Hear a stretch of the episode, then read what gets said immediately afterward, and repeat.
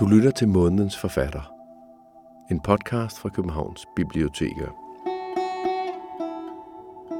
Hver måned på Hovedbiblioteket i København er der et arrangement, der hedder Månedens Forfatter, hvor en aktuel forfatter bliver interviewet fra en scene, og publikum er velkomne til at komme, også til fremtidige arrangementer. De er gratis. I juni udkom Tine Høs tredje roman, Sult, som er en fortælling om begæret efter liv og efter at blive mor. Og Tine Hø blev så inviteret til at være månedens forfatter på Hovedbiblioteket i juni. Hun fortalte om denne her roman Sult, om begær efter liv og driften efter at skrive, som så flyder sammen med, ja, et mere erotisk begær, som så flyder sammen med begæret efter at blive befrugtet og føde et barn. Romanen Sult er fortællingen om Mia og Emil, som gennem et år forsøger at få et barn, og som starter på en fertilitetsbehandling. Alt det vil du komme til at høre om i den her podcast, hvor Tine Hø fortæller til intervieweren, som ved dette arrangement var Lærke Kløvedal. Hun er journalist og vært på Radio 4-programmet Det Sidste Måltid. Så podcasten er baseret på det arrangement, der var på Hovedbiblioteket, som hedder Månedens Forfatter. Så du vil være med på en lytter i den næste times tid på Tine Hø og om romanen Sult og også hendes øvrige forfatterskab. Men det starter, som alle arrangementerne starter med, nemlig at interviewpersonen Tine Hø i det her tilfælde bliver spurgt om, hvordan hendes forhold er til biblioteker sådan generelt. Det er rigtig godt, mit forhold til biblioteker. øhm, man kan næsten heller ikke sige andet, når man sidder her, men det er nu rigtigt. Øhm, min mor er bibliotekar og øh, har arbejdet i mange år på Albertslund Bibliotek, så jeg har været rigtig meget på bibliotek i min barndom også, og ja, besøgt det på alle mulige måder. Og det var faktisk også på et bibliotek, at jeg sådan, som ret ung var til sådan noget poetry slam, hvor jeg... Ja, det var ordet. Ja, det var ja. nemlig, og det var meget stort dengang, og der var, jeg, var sådan, jeg var faktisk stadig et barn, vil jeg sige, et stort barn, øhm, som ligesom var med til et arrangement der med min mor på biblioteket.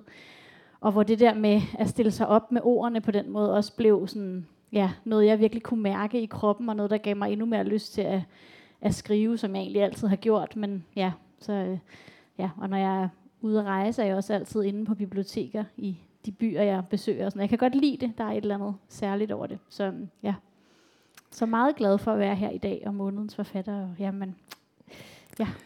Tine øh, Sult, en, øh, en uvandt øh, lang bog for dig. En ja. meget tyk bog. Ja, det er jeg, jeg tror, jeg, jeg, jeg, jeg, så ofte jeg har kunnet, så har jeg kaldt dit, øh, dine to andre bøger, at de var hurtigt læst, men sent glemt. Mm. Og øh, jeg kan ikke helt sige det samme om den her knap så hurtigt læst, men Nej. absolut ikke sent glemt. øh, det er en bog, som, øh, som er blevet præsenteret som, det er også et, en bid fra bogen, at være i fertilitetsbehandling er angstanfald i slow motion. En uendelig kvælning. Ja. Vil du ikke starte med at fortælle om, hvad bogen handler om? Jo. Den er jo lige udkommet, så jeg for, i ja. fredags, så jeg fredags, formoder, ja. det trods alt er de færreste, der har kunnet at, at sluge den. Ja, øhm, og det er også en af de første gange, jeg ligesom skal tale om den. Det er altid lidt spændende, det der med, når man har en, en ny bog ude, så er det sådan lidt, øh, ja, lidt spændende for en selv, hvor samtalerne fører hen. Øhm, men ja, som sagt er det en roman, der, der i, sådan, i udgangspunktet handler om at være i facilitetsbehandling. Det er ligesom den røde tråd. Vi følger øh, hovedpersonen Mia øh, igennem ni måneders facilitetsbehandlinger. Det er ligesom det er de dagbogsnedslag, hun skriver undervejs, som ligesom udgør fortællingen. Øhm, men samtidig bliver det også en fortælling om en hel masse andre ting, altså blandt andet at være en sammenbragt familie. Hun har en kæreste, Emil, som har to børn fra tidligere. Øhm, så det handler også rigtig meget om det. Det handler om stedmorrollen. Hvad er det for noget? Hvordan er man det? Og hvordan er man det, når man samtidig er fuld af længsel efter at blive mor selv? Hvordan komplicerer de to øh, positioner hinanden? Øhm, så handler det også om at skabe og om at skrive, fordi at romanen ligesom også hmm, handler om det, at hun går i gang med at skrive sine oplevelser, øhm, og hvordan det ligesom har, har indflydelse på øh, kærlighedsrelationen blandt andet. Ikke? Øhm, så det handler også om kunstnerisk skabelse. Jeg tænker, det handler om sådan begær efter at skabe på mange forskellige måder. Øhm, Og som her fletter sig fuldstændig uløseligt ind i hinanden. ja, og så handler det også om rigtig meget om krop, kvindekrop, og øh, ja, og man kan sige, det her med at være en krop, der er i facilitetsbehandling og har den her konstante længsel mod noget. Øh, det er svært at komme udenom, at øh, lige præcis den her bog er, øh, altså forstår mig ret, skrevet med kroppen. Ja, altså, det er den. du, øh, altså det, det, øh, det er svært at komme udenom. Hvordan, øh, øh, hvordan gik du i gang med bogen? Hmm. På en meget, meget anden måde end de tidligere to romaner, jeg har skrevet, øhm, som, hvor jeg har været meget mere bevidst om fra starten, at nu var jeg i gang med et nyt værk, nu var jeg ligesom i gang med at skrive en roman, og hvad skulle det være, og hvordan skulle, det, hvordan skulle jeg gøre det. Hvor at med sult, der, øhm, der er teksterne kommet, sådan ligesom kommet væltende, eller ligesom du siger, sådan en, som en, med kroppen, eller som en sådan fysisk udladning nærmest. Øhm, og der gik også et godt stykke tid, hvor jeg skrev en hel masse, mens jeg selv var startet i fertilitetsbehandling, og det, det at skrive blev ligesom en måde at, at trække vejret i det på, og finde ud af, hvad i alverden det var, der foregik i min krop og, og i mit sind. Øhm, og der gik ret lang tid, hvor jeg, havde, hvor jeg faktisk skrev uden at vide, at det, jeg skrev, kom til at blive sådan starten eller fundamentet for det, der så er blevet til romanen sidenhen. Ikke dermed sagt, at det er øh, min dagbog, jeg har trykt, men det blev ligesom dagbogsteksterne, der, øh, der blev sådan nerven i det, eller det, jeg kunne tage udgangspunkt i. Hvordan var det? Øh, fordi der er jo en, der er jo en hård, eller en, både en meget øh, tyk grænse, men også en meget hårfin grænse imellem lige præcis den bevægelse. Hvornår er det øh, levet og dagbog, og hvornår Ja. rykker det over og bliver litteratur? Ja, øhm, og der tror jeg, at altså det der med, når en forfatter siger, at man skriver dagbog, så er det også sådan lidt misvisende, fordi det er, det er sgu aldrig rigtig helt kun dagbog, det man skriver. Altså det er jo altid, uanset hvad jeg skriver, så er der jo en, et arbejde med sproget. Der er et eller andet, der handler om det at skrive, som jeg er nysgerrig på, samtidig med, at der også godt kan være noget stof, der brænder på, så er det også altid en undersøgelse af det at skrive. Så jeg tror, at at det at kalde det, jeg startede med dagbog, er også sådan lidt forkert på en eller anden måde, fordi at jeg skriver altid sådan set hver dag. Ikke? Øhm, her var der lige pludselig bare noget stof, der, der trængte så meget på. Øhm, Og som en registrering, som du kunne, ja, en Som- privat registrering, du kunne bruge i et forfatterskab. ja, Ja. helt klart. Som, hvor jeg kunne ligesom kunne mærke, at der var noget her, der var, som der var ild i. Og, og det er tit den følelse, det har det også været med de andre romaner, det er den følelse, jeg ligesom altid går med. Øhm, så, så det kommer altid fra en eller anden følelse af noget nødvendigt, og her tror jeg bare, at det har været, været presserende på sådan en helt anden måde, end jeg har prøvet før. Og så har det også været vigtigt for mig, at, at ture lade teksterne stå ret tæt på, på, sådan, som de startede. Øhm, ja, altså Jeg prøver at fortælle mig om det, fordi at, at, at det må virkelig have været også en forfængelig overvejelse mm. øh, Mm. for, den, for den del af din forfatterhjerne, der er Ja. redigerende og gerne vil have det øh, ja, velsmurt. Ja, eller, præcis. Og der har det faktisk været en af de vigtigste pointer, tror jeg, ligesom at ture lade teksterne blive i det, i det der øhm, sådan lidt mere flossede rum. Og derfor tror jeg også, hvis man, hvis man læser Sult og forventer, at det er det samme som Tour de Chambre for eksempel, så, så, så finder man hurtigt ud af, at det er det ikke. Altså der, det er... Øhm, der er en, det, det er mere rå tekster på en eller anden måde. Øhm, og det tror jeg også har været meget vigtigt for, at eller det, det, det kunne simpelthen ikke være anderledes. Den roman skulle se sådan ud. De tekster skulle skrives sådan fra det sted, hvor man er på en eller anden måde ude af kontrol, hvor man er reduceret til øh, krop eller ja, øhm, er ude af sig selv. Og det var, det var ligesom nødt til at blive spejlet i, i den måde, teksterne kommer på også. og hvor teksten også næsten må være grim, Ja. eller alt muligt andet, fordi det er sådan følelsen er, og den skal ikke Ja, poleres. nej, det skal ikke blive til et eller andet fuldstændig skarpsleben, hvor man fjerner det grimme, og så er der også lidt øh, humor, og altså sådan, det er ikke fordi der ingen humor er, men det er ikke noget, der ligesom er lagt ind i, eller noget, der har været, øhm, altså det, det, det var vigtigt, at mørket fik lov til at, at, at blive stående, og det viser sig også i formen, øhm, ja. Hvorfor hedder den sult? Mm.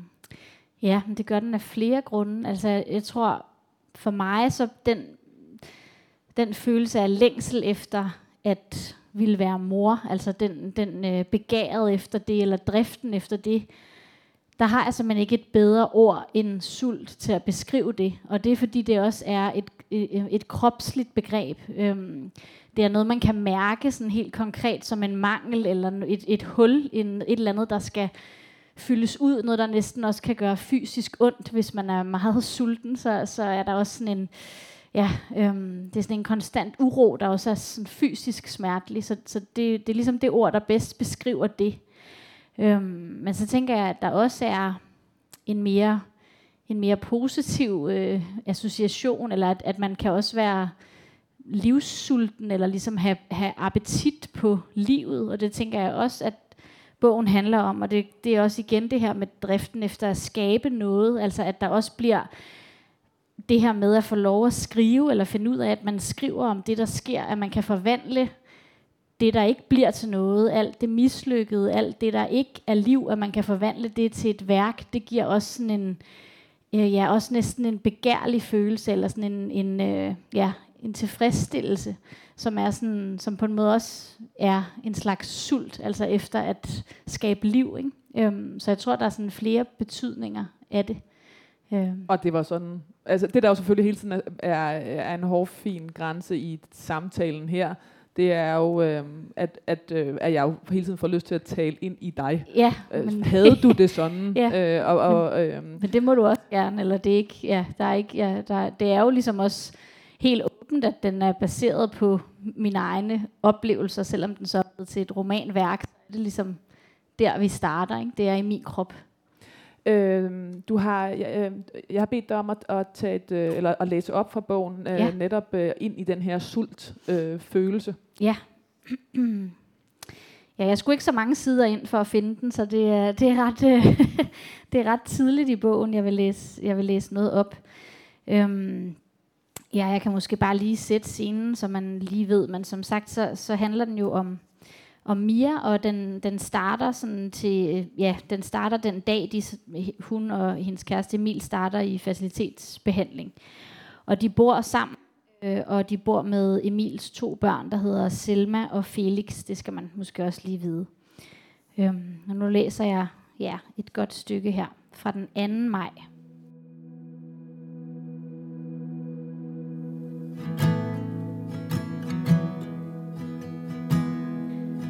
Det er en uge siden anden insemination. Der er seks dage til jeg skal teste. Den 8. maj. Emil tænker ikke over datoen. Jeg tænker ikke på andet. Jeg kan ikke forestille mig, at det vil lykkes. Jeg er opmærksom på alle forandringer i min krop, selvom jeg prøver at lade være. Jeg drak et glas rødvin i går. Jeg gør mig ingen forestillinger. Kan ikke overskue skuffelsen igen. Jeg troede, jeg var gravid sidst. Jeg følte mig virkelig gravid. Man kan bilde sig så meget ind. Man kan google sig svanger. Denne gang mærker jeg intet. Ingen muren, ingen brystspændinger. Jeg er bare skiftevis rasende og trist og ulykkelig. Jeg tager hormoner, cyklogest. Det er som om nogen holder en stikflamme under mine følelser. Jeg er misundelig på de tre andre. Jeg er misundelig på, at de er i familie med hinanden. Pludselig kan jeg se, hvor meget Selma ligner Emil, og så kan jeg være tæt på at græde. De er hinandens kød, forbundet på en måde, som jeg er helt udelukket fra. De hænger sammen. Jeg er alene. Det er en afgørende forskel på os, på det vi går igennem nu. Han har allerede børn. Jeg føler en sult, som jeg ikke ved, om nogensinde bliver stillet. Jeg har spist brunch med Rikke tidligere, salat chèvre pandekager og chokoladecroissant. Hun er byplanlægger og en af de få af mine veninder, der ikke er blevet mor. Blodgrebjuice og sort kaffe. Sikke en appetit, sagde hun. Jeg er udmagret af mit fysiske og følelsesmæssige arbejde. Det er mig, der skal tage hormoner, to tabletter oralt de første fem cyklusdage for at modne min æg. Måske kan jeg producere to eller endda tre, som en burhøne, man skyder gift ind i for at få den til at vokse hurtigere. Det er mig, der skal scannes, og når ægblærerne er store nok, er det mig, der skal stikkes i maven for at sætte ægløsningen i gang. Og 36 timer efter er det mig, der skal insemineres med Emils sæd, og mig, der efterfølgende skal tage stikpiller i skeden morgen og aften for at styrke min slimhinde og få den til at holde fast på ægget. Måske vil det være godt, hvis du kan lade være med at tænke på det hele tiden, sagde Emil forleden. Og jeg fik lyst til at skrige eller grine. Hvordan skulle det være muligt? For dig måske, men ikke for mig. Jeg er en fødemaskine, der skal fyldes op med sæd. Jeg mister forstanden. Jeg ved ikke, hvem jeg er ved at forvandle mig til. En needy hundekvinde, en kælling. Jeg laver scener, jeg er rasende og ynkelig og ude af mig selv.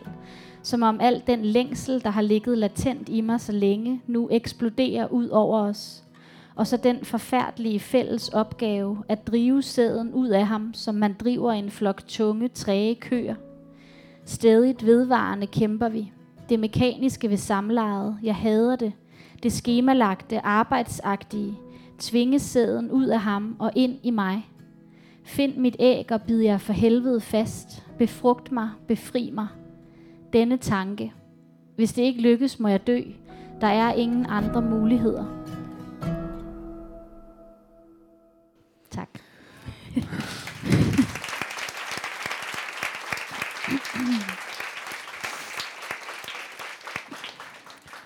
Øh, det er jo mildest talt et øh, vidnesbyrd øh, indefra øh, kvindekroppen, og, og det, er jo en, det er jo en, på mange måder det er jo en kvindefortælling, øh, som trækker sig 100 år tilbage, men samtidig er det jo også en skingert aktuel øh, kvinde af 2022.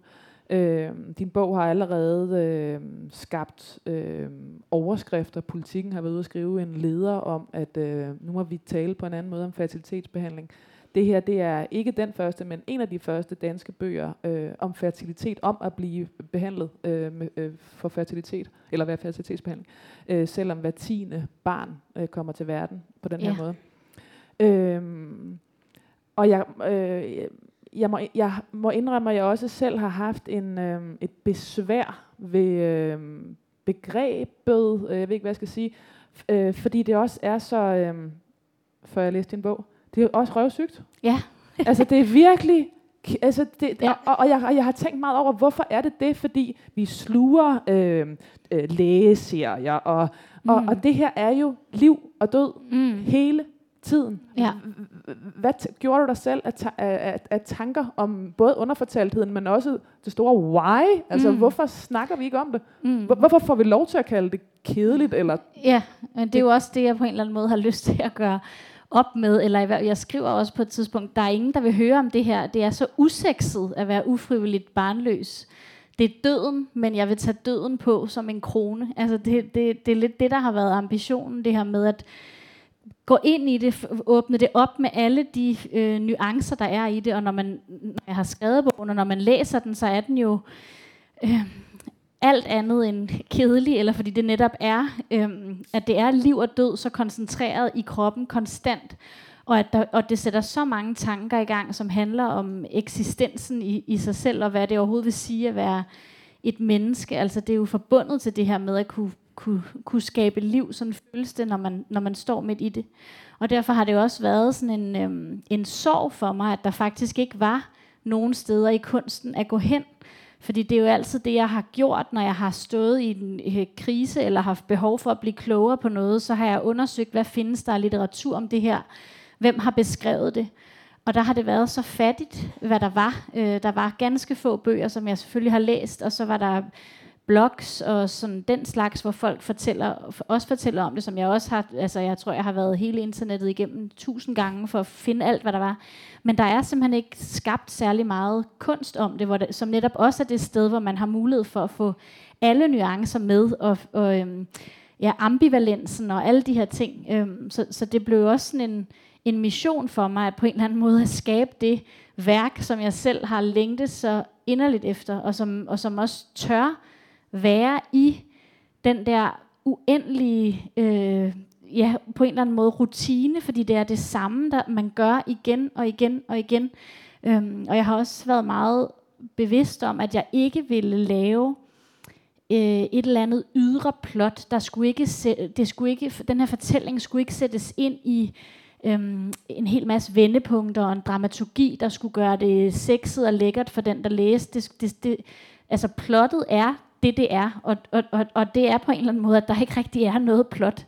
Øhm, der er selvfølgelig et meget klart mål, men, men der er ligesom ikke, der skulle ikke lægges alle mulige fiksfakserier ned man, over som det. læser, så, så mærker man øh, gentagelsen, utålmodigheden, det, det er næsten drænende grå i Mm. hverdagen ved at være i fertilitetsbehandling. Mm. Øhm, altså, den, har du, den har du Ja, den lavet har- stå. Ja, Ja. ja, og på en eller anden måde f- øh, fået vendt til noget, der ja, som alligevel suger en ind, eller fordi det er sådan, det føles. Øhm, og det, ja, så det har været sådan en meget vigtig pointe for mig, at, at ture også blive i det rum, og også øh, ikke at lade der være en, en forløsning, altså at man ikke havde en eller anden ja, struktur, og så kunne det ligesom ende med, ej, så, så lykkedes det til sidst, og alt var godt, og så kan man ånde lettet op. Det er slet ikke det, der er ærnet her. Jeg vil gerne have, at den, f- at den følelse, som man har i kroppen, når man er i behandling, at den, at den forplanter sig til den krop, der læser. Altså, så det ligesom bliver sådan, at, at, ja, at man får, kommer ind i den tilstand. Øhm, og det, det er jo også, altså, jeg har også hele tiden en meget stor bevidsthed om, at, eller den uvidshed, øh, som man er i, når man er i behandling, øhm, er noget af det allersværeste at være i. Sådan har det i hvert fald været for mig, og det hører jeg også, når jeg taler med andre om det, at det, at du ikke ved, om det nogensinde lykkes, og hvis det lykkes, så ved du ikke, hvor lang tid det tager. Øhm, men du har også hele tiden, der er hele tiden en potentiel mulighed for, at det faktisk ikke lykkes.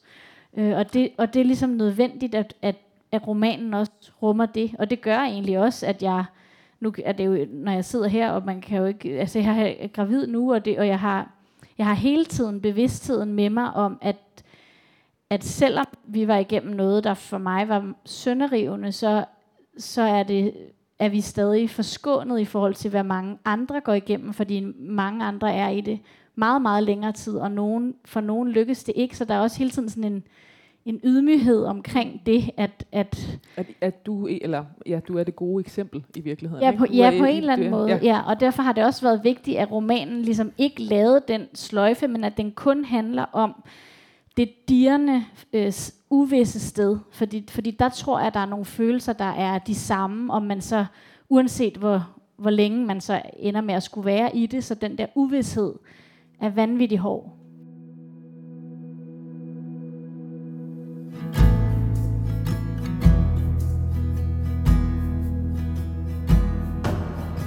Hvor mange piller har du tilbage, spurgte han i går aftes. 12. Så mange, så er der jo lang tid til vi skal teste.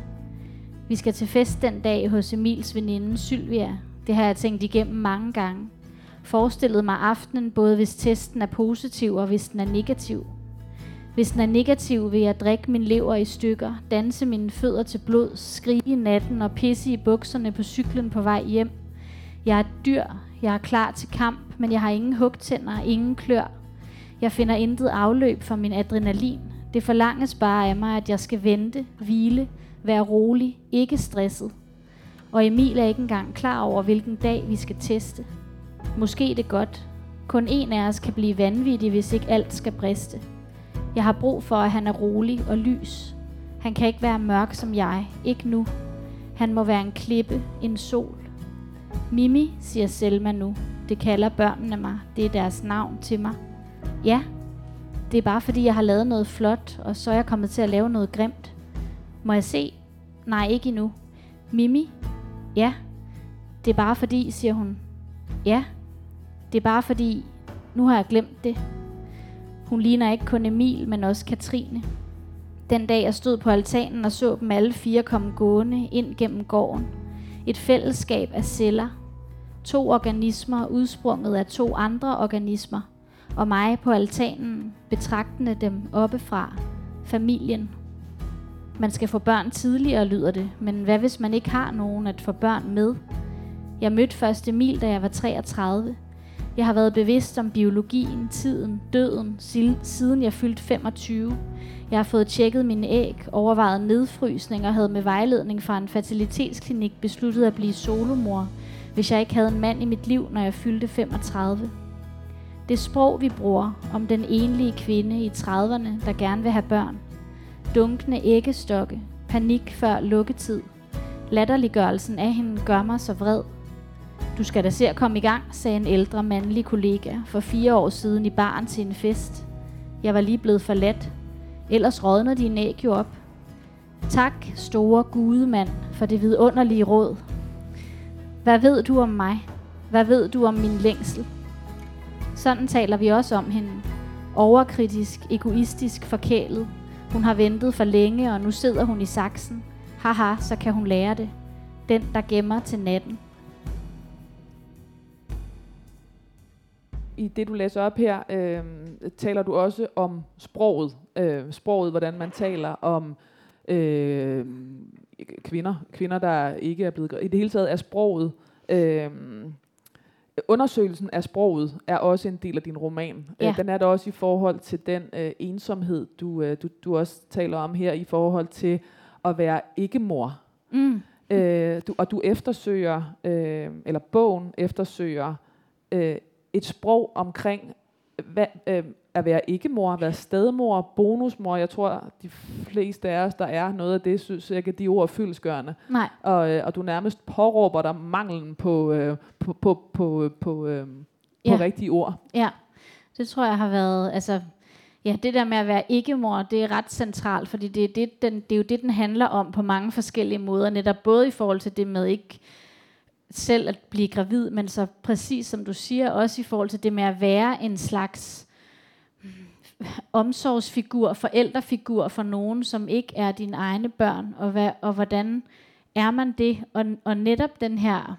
Mm, den, den, der er igen, synes jeg også, der er noget, der, der mangler. Altså, at der findes så få beskrivelser af, hvad det vil sige at være nogens bonusmor, stedmor, hvad vi nu skal kalde det. Det er jo netop problemet, at der ikke er et godt ord for det. Og det ene er for Ja. happy, og det andet er for Jamen, det er det. øh, ondskabsfuldt. Øh, præcis, eller stedmor, dis- altså det, jamen det er det, der Ja. ja. får vi jo alle de her associationer ja. om, om en eller anden øh, ja, ond figur, ikke? og der er også en samtale, Mia har med, med, med sin, ja, hvad vi nu så skal kalde det, bonusdatter, øhm, som også siger at det her med, at, at stedmor, det er en ond en, så det går ligesom ikke, øh, og papmor, det er også strengt, og det, så det forstår jeg egentlig Og også tænk, godt. at det Papmor, nogensinde er, også- kommet ind ja, i sproget. Papmor, Ja, hvad er det? det er Det er også- bøjeligt, ja, der kan ja. forsvinde, i, når det regner. Ja, og så er der bonusmor, som på en eller anden måde øh, indeholder den her øh, øh, helt øh, alt for store forventninger om, at man skal være en gave. Altså man er bare en bonus, så man skal bare være lys og glad og en gave til de her børn, som jo også lægger et kæmpe pres. Øhm, og så er der også problemet med hver enkelt af de betegnelser, at de indeholder øh, ordet mor. Øh, og det er, det er sindssygt vanskeligt, fordi der findes allerede en mor, i hvert fald hvis man er en sammenbragt familie, øhm, så, så er der en mor, så man er ikke mor, man er hele tiden ikke mor. Øhm, men man er noget andet, som, som heller ikke bare er, øh, det, det skriver jeg også noget om, men man er heller ikke bare øh, nogens kæreste, altså Emils kæreste for eksempel. Det er også, det er også en reducering, fordi den relation, man har til de børn, er på en eller anden måde hævet over det, i hvert fald når man bor med dem og har kendt dem i længere tid, så, så er den ikke længere betinget af kæresten, men den er jo også noget i sit eget værd.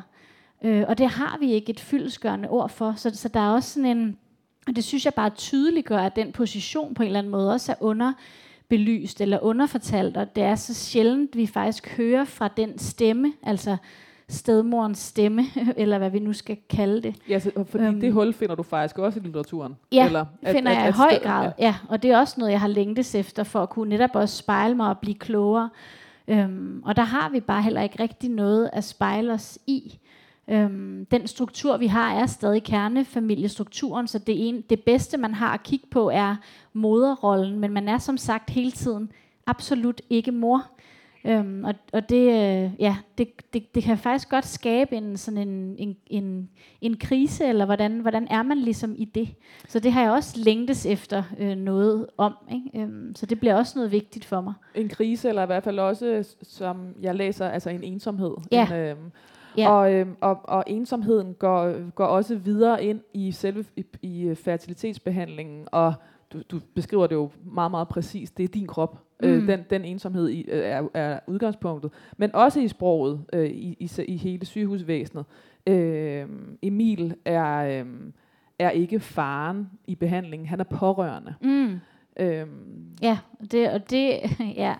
Og det er sådan noget, som, det er jo også noget, jeg har, som er den oplevelse, jeg har haft, og vi har haft, min kæreste og jeg, i, i behandlingen, det her med, og det blev egentlig ret tydeligt fra starten. Vi startede i behandling under corona, Øhm, og der var det sådan i starten, vi startede på en privat klinik, fordi der var lang ventetid i det offentlige, og der var det sådan, at, øhm, at han måtte ikke komme med mig til scanninger, fordi vi fik at vide, at der ikke var adgang for pårørende.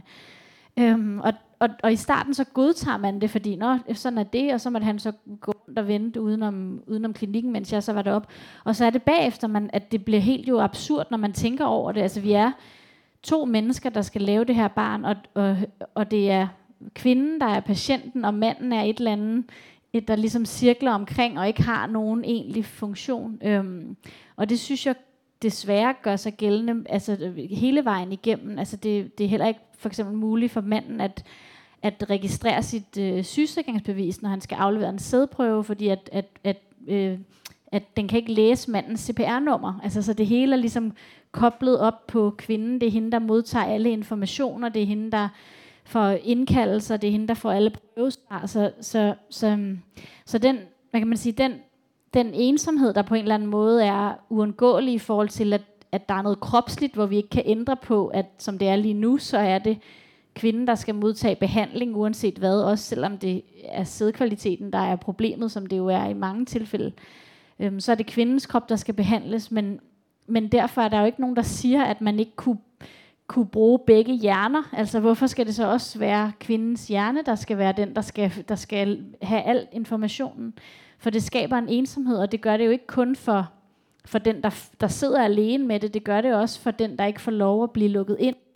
Øhm, og, og, og, og der er meget strukturelt, der starter allerede der. Ja, det er der virkelig. Det er jo det, fuldstændig det samme, der forplanter sig, når man kigger på det her med, at hvem er det, der bliver ringet først til, når der er barn syg i institutionen. Altså, at man ligesom sådan på højere oppe laver en struktur, der kobler øh, børn til kvinde, altså i stedet for at forsøge at, at udligne det. Og jeg tror især, eller når man er i facilitetsbehandling, som er sådan i udgangspunktet sindssygt belastende for et parforhold, så, så gør det det i hvert fald ikke nemmere, at man ikke på en eller anden måde får lov at deles lidt mere om, om ansvaret. Så det er også noget, jeg har haft lyst til at, at sætte ord på, den, ja, den der usynlige rolle, man faktisk indtager som mand. Der er i det hele taget, der er, jo, der er rigtig meget øh, uskyldstab, der bliver, der bliver taget øh, ud af livet ved at blive øh, gravid på den måde, som både du og din hovedkarakter øh, er blevet. Mm. Hvor mange andre på en eller anden måde er, er skånet. Øh, indtil barnet kommer. Jeg vil lige læse en scene op fra Emil og Mia. Ja. Har været inde og se øh, et teaterstykke, et, et dramatiseret udgave af Olga Ravns roman Mit Arbejde, som jo øh, også handler om moderskabet og på en mere rå måde, end vi i hvert fald ofte har fået det præsenteret. Øh, og efterfølgende så lyder dialogen sådan her. Jeg glæder mig til det, der skal komme, sagde han, når du bliver gravid. På en måde blev det pludselig meget håndgribeligt der i salen. Det bliver så smukt og grimt, sagde han. Og jeg glæder mig. Jeg har svært ved at tænke så langt. Tillade mig øh, at forestille mig en fødsel. Jeg synes, det er brutalt, sagde Emil i 5C, at vi først skal igennem det her. Og hvis det lykkes, er der ingen pause, før noget endnu mere sindssygt går i gang. Oh my goodness, altså det stopper jo fucking aldrig. Altså. Nej. Nej, øh, det er også ret, øh, ret voldsomt. Og der er det også sådan, igen interessant det her med, nu har jeg også oplevet det med nu at, at være gravid, og det med, at det faktisk heller ikke er noget, man taler om, når man så er blevet det, at man faktisk kommer fra et forløb, som kan have varet mange år, hvor man har været igennem alt muligt, der har belastet krop og psyke, og så Øh, bliver man gravid, og så skal man pludselig ind i, i som det, og ligesom sådan uden, uden at det er noget, der bliver talt om, uden at det er noget, der bliver øh, gjort et eller andet for, eller øh, ja, i, i det mindste bare sagt noget højt om, når man er til jordmor, eller hvad det nu kunne være. Øhm, så ja, og det, og det er jo fordi, vi stadig har den der idé om, at det, at det helst bare er noget, der skal der bare skal ske sådan lidt uproblematisk, og som vi ikke behøver at tale om. Der er også et tidspunkt i bogen, hvor, øh, hvor Mia også tænker, øh, det her, det her med, tænk at blive gravid ved at dyrke sex. Altså tænk, at, at nogen faktisk kan elske sig ind i moderskabet. Ikke? Det, er sådan en helt, det bliver sådan en helt øh, utopisk, drømmeagtig fantasi, øh, når, man, når man er igennem det her andet. Ikke? Og, og, og en jaloux Ja, følelse. ja, ja, helt vildt øh, også. jalousi. Ja, ja. Øh, og på den måde kommer du, øh, eller i romanen kommer jo også via sine, om ikke andet sine bikarakterer rundt i alle øh, grene af øh, moderskabet. Og det, der i hvert fald går op øh, for Mia i bogen, det er at, øh, at, at bringe og skabe liv, mindst lige så meget handler om død. Mm. Øh, som er en, øh, der er jo ligesom et før og efter den erkendelse, også som menneske, ja, at øh, man alt andet lige det meste af sit liv har gået rundt og, og synes, at livet handlede om liv. Og så snart man, man begynder at sætte det i livet, så går det op for en, hvor tæt på døden hele tiden er. ja. Der er en forskrækkelse over det. Mm. Øh, der er også en, øh, du har lavet en af bikaraktererne øh, få en abort. Mm. Ja, det er også øhm, en ret central scene, tænker jeg egentlig. Mias bedste veninde, Gro, bliver gravid meget uproblematisk, har et barn i forvejen, og de har ligesom planlagt, at de skulle have nummer to, og så bliver hun meget paradoxalt gravid i, i, øh, i første forsøg, øhm, og finder så ud af, at hun ikke ønsker at få barnet, hvilket igen også er et tabu. Øh, kæmpe tabu. Øh, altså jo også lige så stort på en måde, som det ikke at kunne blive gravid, det med så faktisk ikke at ville det alligevel. Øhm, og, øh, og det har, det har også været vigtigt at give den fortælling plads, og det bliver også sådan, ja, en, en stærk scene, fordi der så er de her to kvinder med meget forskellige øh, ønsker i kroppen, øhm, men hvor, hvor at Mia jo så ligesom er hos hende under den her øh, abort, og ligesom gennemgår det med hende. Øhm, men jeg tænker, at det... Og, som, og som virkelig understreger hele sulten. ja, Øhm, Ja. øh, Mias karakter får næsten lyst til at ja, tag, tag det udskilte først og stege det og spise det. Altså der er ligesom sådan en, øh, det bliver sådan meget dyrisk lige der også, ikke? Men igen, der er det også det her med netop, at døden er koblet så, så tæt til livet, og uanset hvad, eller at der at, at kvindens krop, uanset om man ikke kan blive gravid, eller øh, også hvis man føder, der er du også i forbindelse med døden på en eller anden måde. I før i tiden har det jo også været, altid været, øh, altså, i- har indebåret en, en risiko for død, både for barnet og en selv, øh, som jo så heldigvis ikke er lige så presserende længere. Øhm, eller hvis du aborterer, altså, så er der igen også altså, døden viklet ind i det, så, så det er, der er et eller andet meget, meget brutalt, der foregår i den krop, øhm, som, som jeg jo heldigvis tænker nu også generelt med alt, hvad vi ser af litteratur lige nu, der handler om det, altså om moderskab på alle mulige måder at vi endelig også får lov at dykke ned i det, at vi ikke, øh, at vi ikke lukker øjnene for det, at det får lov at fylde, at det ligesom bliver, og også tror jeg er meget vigtigt i forhold til, fordi det er ikke fordi, der ikke har, at vi ikke har haft moderskabs- eller fødselsskildringer før, der har ikke været særlig mange, der har været nogen, men de er altid blevet betragtet og betegnet som øh, altså kvindelitteratur, noget der henvendte sig til kvinder, noget der ligesom var koblet til det, og der tror jeg noget af det, der er pointen, med, med mange af de værker, der, eller alle de værker, der ligesom dukker frem nu, er, at det er ikke kvindelitteratur. Det er, det er noget, der, der henvender sig til alle, fordi det handler om det at skabe liv. Alle er blevet født. Der er ikke noget mere fælles end det. Øh, så der er, der er hele tiden den pointe også, at det ligesom er noget, der er alment eller har universel relevans, og ikke kun til dem, der er i en krop, der også kan føde, eller ikke eller så ikke kan lykkes med at føde, men at, at det ligesom er, at det er et, et universelt emne. Hvordan havde du det med pludselig at skrive dit forfatterskab derind, hvor det private bliver politisk? Mm. Det er jo meget nyt, altså, øh, og faktisk har der været, det har været ret øh, forløsende også at få lov at mene noget i den her bog, eller det har jeg jo altid haft lov til, men at, at der ligesom også kunne komme sådan, at der er sådan en, der er også en vrede omkring en hel masse ting. Både en irrationel vrede, som er, som er den, man ligesom føler, når man står i det her, der ikke vil lykkes, øh, men også en strukturel vrede, og, øh, ja, og nogle, ja, noget politik simpelthen også, som jeg ikke har holdt mig tilbage for at give min karakter lov til at tale om. Øh, og det, det er meget anderledes, end hvordan jeg har arbejdet i de to første bøger, så på den måde er det også sådan helt, helt anderledes øh, roman Jeg for pludselig mig. stille sig ud på en øh, kampplads på en anden Ja, måde. Ja, Øh, helt sikkert. Det gør, men det gør jo så også, for eksempel det her, du siger med, at så dagen efter romanen udkom, var der ja, en leder i politikken, der handlede om, med udgangspunkt i romanen, handlede om det her med at aftabuisere, tale højere om, hvad facilitetsbehandling er, hvad det gør ved mennesker. Altså, så det, det er der en kæmpe tilfredsstillelse i, at det, øh, at det man skaber, så faktisk kan, også kan få en betydning på, på en helt anden måde, end, end jeg har prøvet før. Øh, men det kræver jo også noget, og det kræver jo også et mod at bruge sig selv øh, på den måde, som jeg jo gør tydeligere her, end jeg har gjort før. Ikke? Ja, og pludselig også øh, altså potentielt øh, optræde med dit forfatterskab på en helt anden måde. Altså, øh, ja, mit bedste bud vil være, at der går ikke lang tid, før du skal stå i debatten og snakke om, øh, hvad skal der gøre ændres for. Mm. Altså, altså, der er også noget med pludselig at gå fra fra ja. at være kunstner til, mm. hvad, du kan jo altid sige nej, men altså, du ved, øh, ja. øh, det eller vil i hvert fald være en klassisk bevægelse, at man ja. pludselig øh, skal være stemme på en anden måde. Ja, at kunsten ligesom, eller man tager udgangspunkt i den, og så kan man bruges til at sige noget om en hel masse andre ting.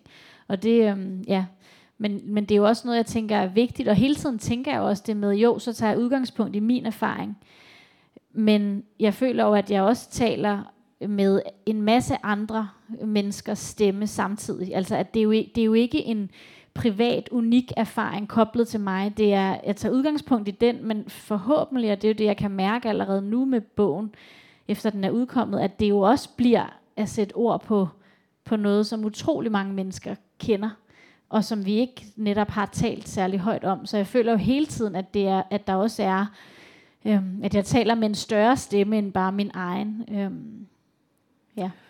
Og, og øh, Sult er en roman, men den er øh, åbenlyst øh, selvbiografisk. Og, øh, og øh, jeg vil lige læse et, øh, en, en bid op om øh, den her øh, hårfine grænse. Emil er blevet bange for, at jeg har skånet ham med det uddrag, jeg har sendt.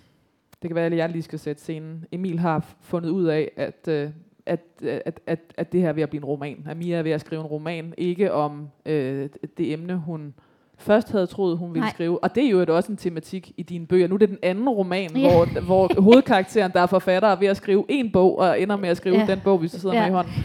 øhm, øh, og, er, øh, og, og han er selv sagt blevet nervøs for, øh, øh, hvor meget af ham, der, der, går, der, der indgår i bogen. Mm. Emil er blevet bange for, at jeg har skånet ham med et uddrag, jeg har sendt. Øh, at det ikke er repræsentativt for bogen. Han har svært ved at være i det lige nu, at blive skrevet om. Han får åndenød og hjertebanken og lyst til at forsvinde. Jeg forstår ham godt. Jeg er så ked af at udsætte ham for det. Det var frygteligt at skulle forlade ham her til morgen for at nå et tog.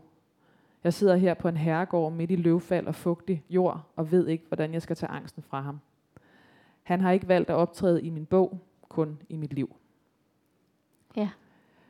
Øh, hvad for nogle tanker har du gjort dig om den øh, mm. måde at skille tingene ad på, øh, mm. på, et, på et privat forlag?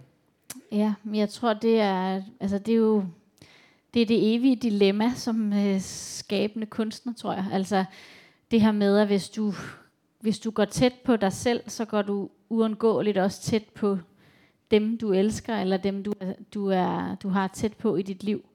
Øhm, sådan måtte det i hvert fald være med den her roman, både for ja, hovedkarakteren og også for mig selv, fordi det dilemma er også et, jeg har stået i. Øhm, og det er, det er ikke noget, jeg har en, øh, en, et facit på, eller ved præcis, hvordan man gør. Men problemet er jo det her ønske om at være kompromilløs i kunsten. Altså ligesom at, at, at skrive det, der skal skrives, og må skrives for at skabe det bedste værk. Og samtidig også have et ønske om at være kompromilløs i kærligheden og, og, og ville tage hånd om og passe på og værne om den, man elsker allermest. Og, og hvordan fanden får man de to ting til at gå op? Det, øhm, det er også noget af, af det, der ligesom står og diger i romanen, ikke? og også bliver øhm, ja, et, en smerte eller noget, der er, som, som der skal, som, ja, det er svært at finde en forløsning på. Øhm, Ja, og den har jeg heller ikke øh, 100% selv. Jeg, det er, jeg tror, det er sådan noget, man, man evigt kommer til at, at, at, at prøve at finde ud af, hvordan man gør. Og øh, lige præcis det her mellem, altså tilbage til, til, til, også til sulten i det, fordi sulten efter at få et barn med den, man elsker, mm. men også sulten øh, efter at kunne øh, skabe. Ja. Altså til politikken sagde du, at det frelste mig at skrive den her bog. Ja, ja det blev en, det blev, mm, jeg tror også, jeg var lidt inde på det i starten, men det her med, det her med at kunne tage noget, som er en meget, meget mørk erfaring, noget, der ikke bliver til noget, noget, der er ikke liv, og så kunne bruge det til at skabe liv ved at skabe et værk, altså at ligesom kunne vende, kunne vende det til noget godt, eller få noget ud af det, som også er, som, eller at det bliver frugtbart, det er alt det, der er goldt på en eller anden måde. Øhm, det, det blev en, en, en forløsning eller en form for frelse, fordi det netop gav en meningsfuldhed til noget, som føles så utrolig meningsløst, når man er i det. Øhm, så det blev også sådan et lys, jeg kunne bære med mig, og som, og som jo også er det, der ligesom mærkes så stærkt i min hovedperson, ikke? at det her med at trangen til at skabe værket, at få det ud, at øh, sætte ord på det her, at dele, at åbne op for et mørke, at skabe en samtale og et fællesskab, at der ligesom kommer en, en, ja, en meget stor meningsfuldhed i det, øh, som og, bliver og vigtig. Også på, også på en eller anden måde blev din opgave, fordi selvom der er så ualmindeligt øh, mange øh, par, der går igennem det her, øh, så, så er der ikke så mange af dem, der er forfattere. Nej, nej, og det er jo lige præcis det, og det er jo også derfor, man, at det er jo det, man kan, når man er et skrivende menneske, så kan man, så kan man ligesom tage det øh, og, og, og vende det til noget, skabe kunst ud af det. Jeg tror, det er, øh, det er Thomas Korsgaard, min gode ven og forfatter, som har sagt, sådan, der er rigtig mange mennesker, der har haft en dårlig barndom, men det er meget få mennesker, der kan skrive en god bog. Og det synes jeg er sådan en meget god, øh, god måde at se det på. Altså det der med, at, øh, ja, og som også kan gøre, at, man, at, man, at jeg har haft sådan en følelse af, at jeg skulle også, jeg er nødt til at gøre noget, jeg er nødt til at skrive noget om det her. Øhm, ikke bare for min skyld, men fordi jeg ligesom ja, ser, at der er et hul her, ikke? der skal tales om. Jo, og, og man når næsten også at mærke igennem bogen, at øh, enten må der komme en bog, eller også må der komme et barn. Ja. altså, at, at det bliver fuldstændig essentielt, at der må, en af tingene må, øh, ja. må, må blive en virkelighed i, i verden. Ja. Øh, der, der er noget med dramaturgien. Du arbejder meget øh, modigt med dramaturgien i, bogen, i bogen, fordi at øh, den, den starter og slutter med præcis ni måneders mellemrum. Ja. Øh, og øh, når man lukker den, tænkte jeg, jeg vidste jo ikke, hvor du var i din egen graviditet. Jeg tænkte, du må have gået på sådan et, øh, et, et vågemod, altså øh, angsten for at jinxe mm. øh, den virkelighed, der kørte parallelt med dig, samtidig med, at du yeah. sad og skrev. Det var også noget, som jeg talte rigtig meget med mit forlag om faktisk, fordi at jeg, mens jeg skrev bogen, og også da, da den var ved at være færdig, at der vidste jeg jo ikke, hvad der ville ske i mit private liv. Altså, der, der stod jeg jo i den her situation og var i behandling og vidste ikke, hvad der ligesom ville ske. Og de var meget opmærksomme på det her med, kan du, hvad vil det gøre ved dig, hvis du skal udgive en bog, bog om det her, samtidig med, at du selv er i behandling, og er, kan, kan vi ligesom, hvordan kan vi passe på dig i det? Det vil blive en helt anden samtale. Altså alle, alle de her interviews, du skal, ud, du skal ud og give det næste stykke tid, havde været en helt anden. Ja, fuldstændig. Og jeg, jeg er også meget taknemmelig for, at det ikke var det, der, der var situationen, men jeg var samtidig også helt fra starten meget fast besluttet på, at jeg ville udgive den bog, uanset hvad. Og uanset om jeg stadig selv havde været i behandling nu, så havde det været havde nødvendigheden af den for mig at se og eller, trumfet det. Altså det, det, det, den skulle udgives. Jeg ville udgive den, uanset. Øhm, og så er det jo meget lykkeligt, at det ikke blev sådan, at jeg skulle tale om den inden fra det mørke stadigvæk. Men, men, øhm, men jeg ved, at jeg ville have gjort det alligevel. Øhm, Ja. Hvordan kunne du mærke, at bogen var færdig? Jamen, der havde jeg jo truffet den beslutning om, at jeg ville skrive, ligesom Mia i romanen også gør, at jeg ville skrive i ni måneder. Og det var også for at finde et slutpunkt, fordi der potentielt jo ikke er nogen ende på det her. Øh, og det er jo også det, der er en del af pointen. Hvor, hvad er slutningen? Man ved det ikke. Det kan være otte år. Jeg kunne, øh, kunne ikke have en, øh, dagbogsdokumentation i otte år. Så det var også noget med at finde et eller, andet, et eller andet sted at slutte, og så gav det bare rigtig meget mening at have de her ni måneder, som ligesom, ja, så var det ikke et barn, der blev skabt, men noget andet, som også ligesom lever uden for den, der har skabt det, og ligesom får sit eget liv bagefter. Så det blev sådan, det blev ligesom det, der var, ja, der var slutpunktet. Øhm, og, og også, også tror jeg på mange måder, også i forhold til det, vi talte om før med, hvad gør det ved en øh, kærlighedsrelation, at den ene part øh, går så tæt på noget, som er øh, jo meget intimt, og bruger det til at skabe kunst, hvad det, altså vanskeligheden i det, der var, der, også, der var det også nødvendigt at ligesom have en eller anden afgrænset periode og sige, det, det forløber hertil, og så ikke mere. Hvad der sker herfra, det er vores, mm. det angår ikke nogen. Altså, så det, det var også en, det tror jeg også blev, blev ja, vigtigt på, på den front.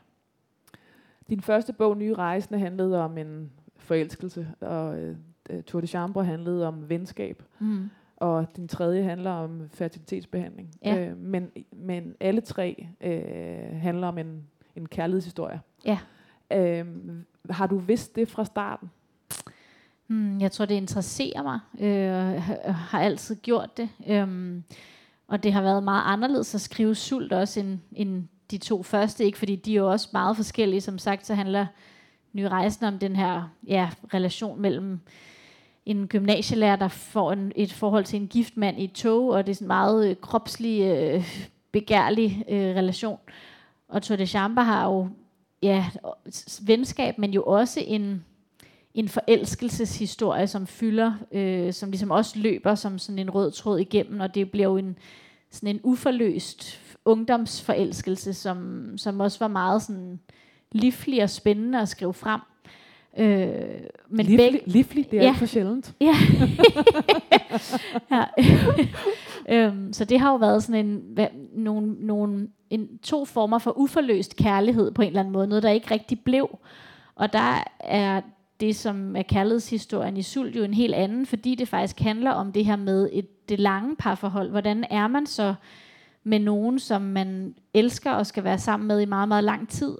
Hvordan, hvordan gør man det, og hvordan overlever man en krise, og hvordan holder man fast i hinanden på trods af, og der tænker jeg, at der er, jo, der er også nogle ting, som, nu er det så facilitetsbehandling, der er krisen her, men, men uanset hvem man er, så kommer der jo mørke og kriser i et parforhold, og hvordan, hvordan, hvordan fanden bliver man ved med at elske hinanden? Det er jo ligesom mere det, der er undersøgelsen her. Hvordan gør man det? Øhm, så, der, så det er en anden form for kærlighedsundersøgelse, tænker jeg, end, end det, der har været i de to første romaner, som, hvor man kan sige, det der med den uforløste kærlighed, forelskelsen, der ikke blev, eller øhm, den, man ikke kan få, der er sådan en, det er meget nemt at få det ophøjet til at være den mest fantastiske kærlighed nogensinde, fordi man aldrig rigtig finder ud af, hvad den ville have foldet sig ud til. Og der er det bare en helt anden undersøgelse, det der med, nu er der det her menneske, som jeg elsker, og hvordan fanden holder jeg fast i det? Hvordan gør vi det? Hvordan er man med en i lang tid? Øhm, altså mindst lige så spændende at finde ud af, men, men noget helt, helt andet. Ikke?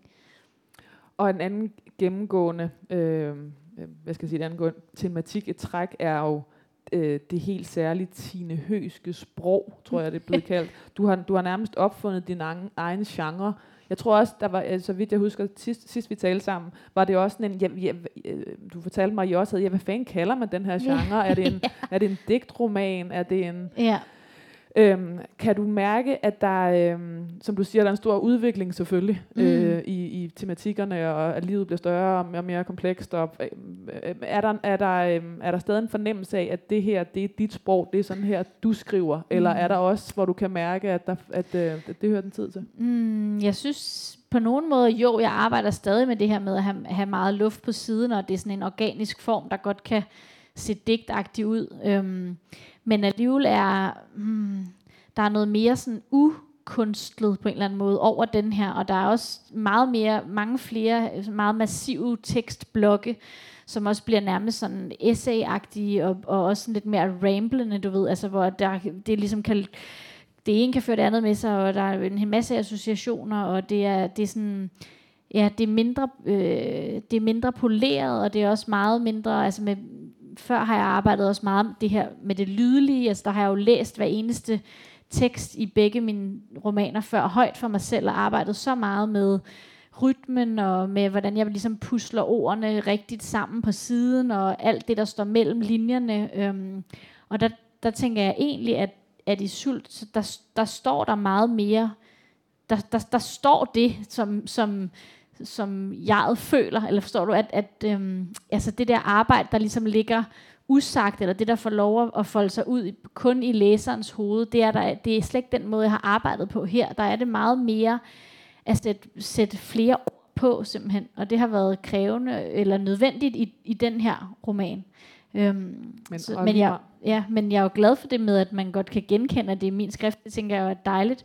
Men det er også sjovt at få lov at gøre noget andet, og det viser også bare, at at hvert værk kræver ligesom det, det kræver, og så aner jeg ikke, hvad jeg kommer til at skrive næste gang. Det må jeg jo finde ud af, hvad, hvad det er for noget. Ikke? Og lige meget hvad, så er det jo et sprog, der gør dig til en af de dansk forfatters bedste øh, dialog skabere. Tak skal Det du var meget flot formuleret. Det er fedt.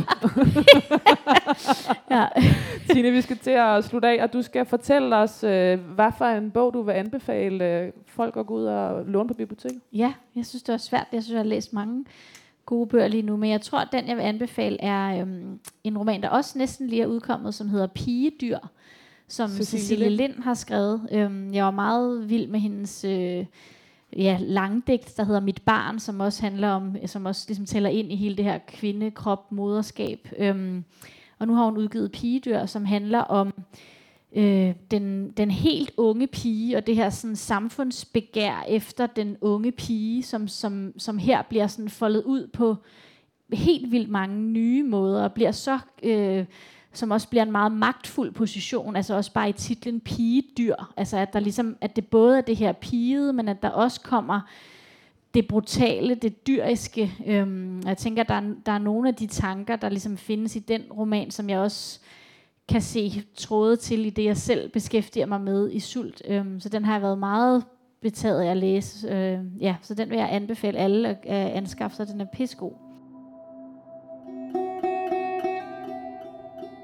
Og med denne anbefaling fra Tine Hø, er det ved at være slut for podcasten Månedens Forfatter.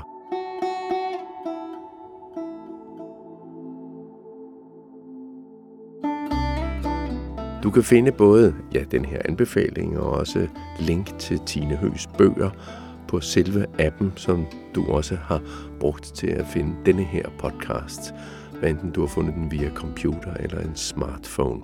Der findes selvfølgelig også mange andre månedens forfatter podcast, der hvor du har fundet den her. Du kan dykke tilbage i arkivet og finde både Helle Helle, eller hvad det nu kan være, Svend Brinkmann. Der er mange af dem dernede. Månedens forfatter er et arrangement arrangeret af Ellen Ingerslev og Tane Søndertoft, og du kan holde øje med månedens forfatter på Københavns Bibliotekers hjemmeside og se efter arrangementer på Hovedbiblioteket. Det er også her, du kan finde alle vores podcasts, som vi laver, både om månedens forfattere, børnepodcast, børnebogcast og Søhelte på Vilde Veje, bag om København, og også Bogdate, som tager fat i fire forskellige bøger fra bibliotekernes hylder. På genhør og på gensyn måske et eller andet sted i Københavns Biblioteker. Mit navn er Claus Vitus. thank you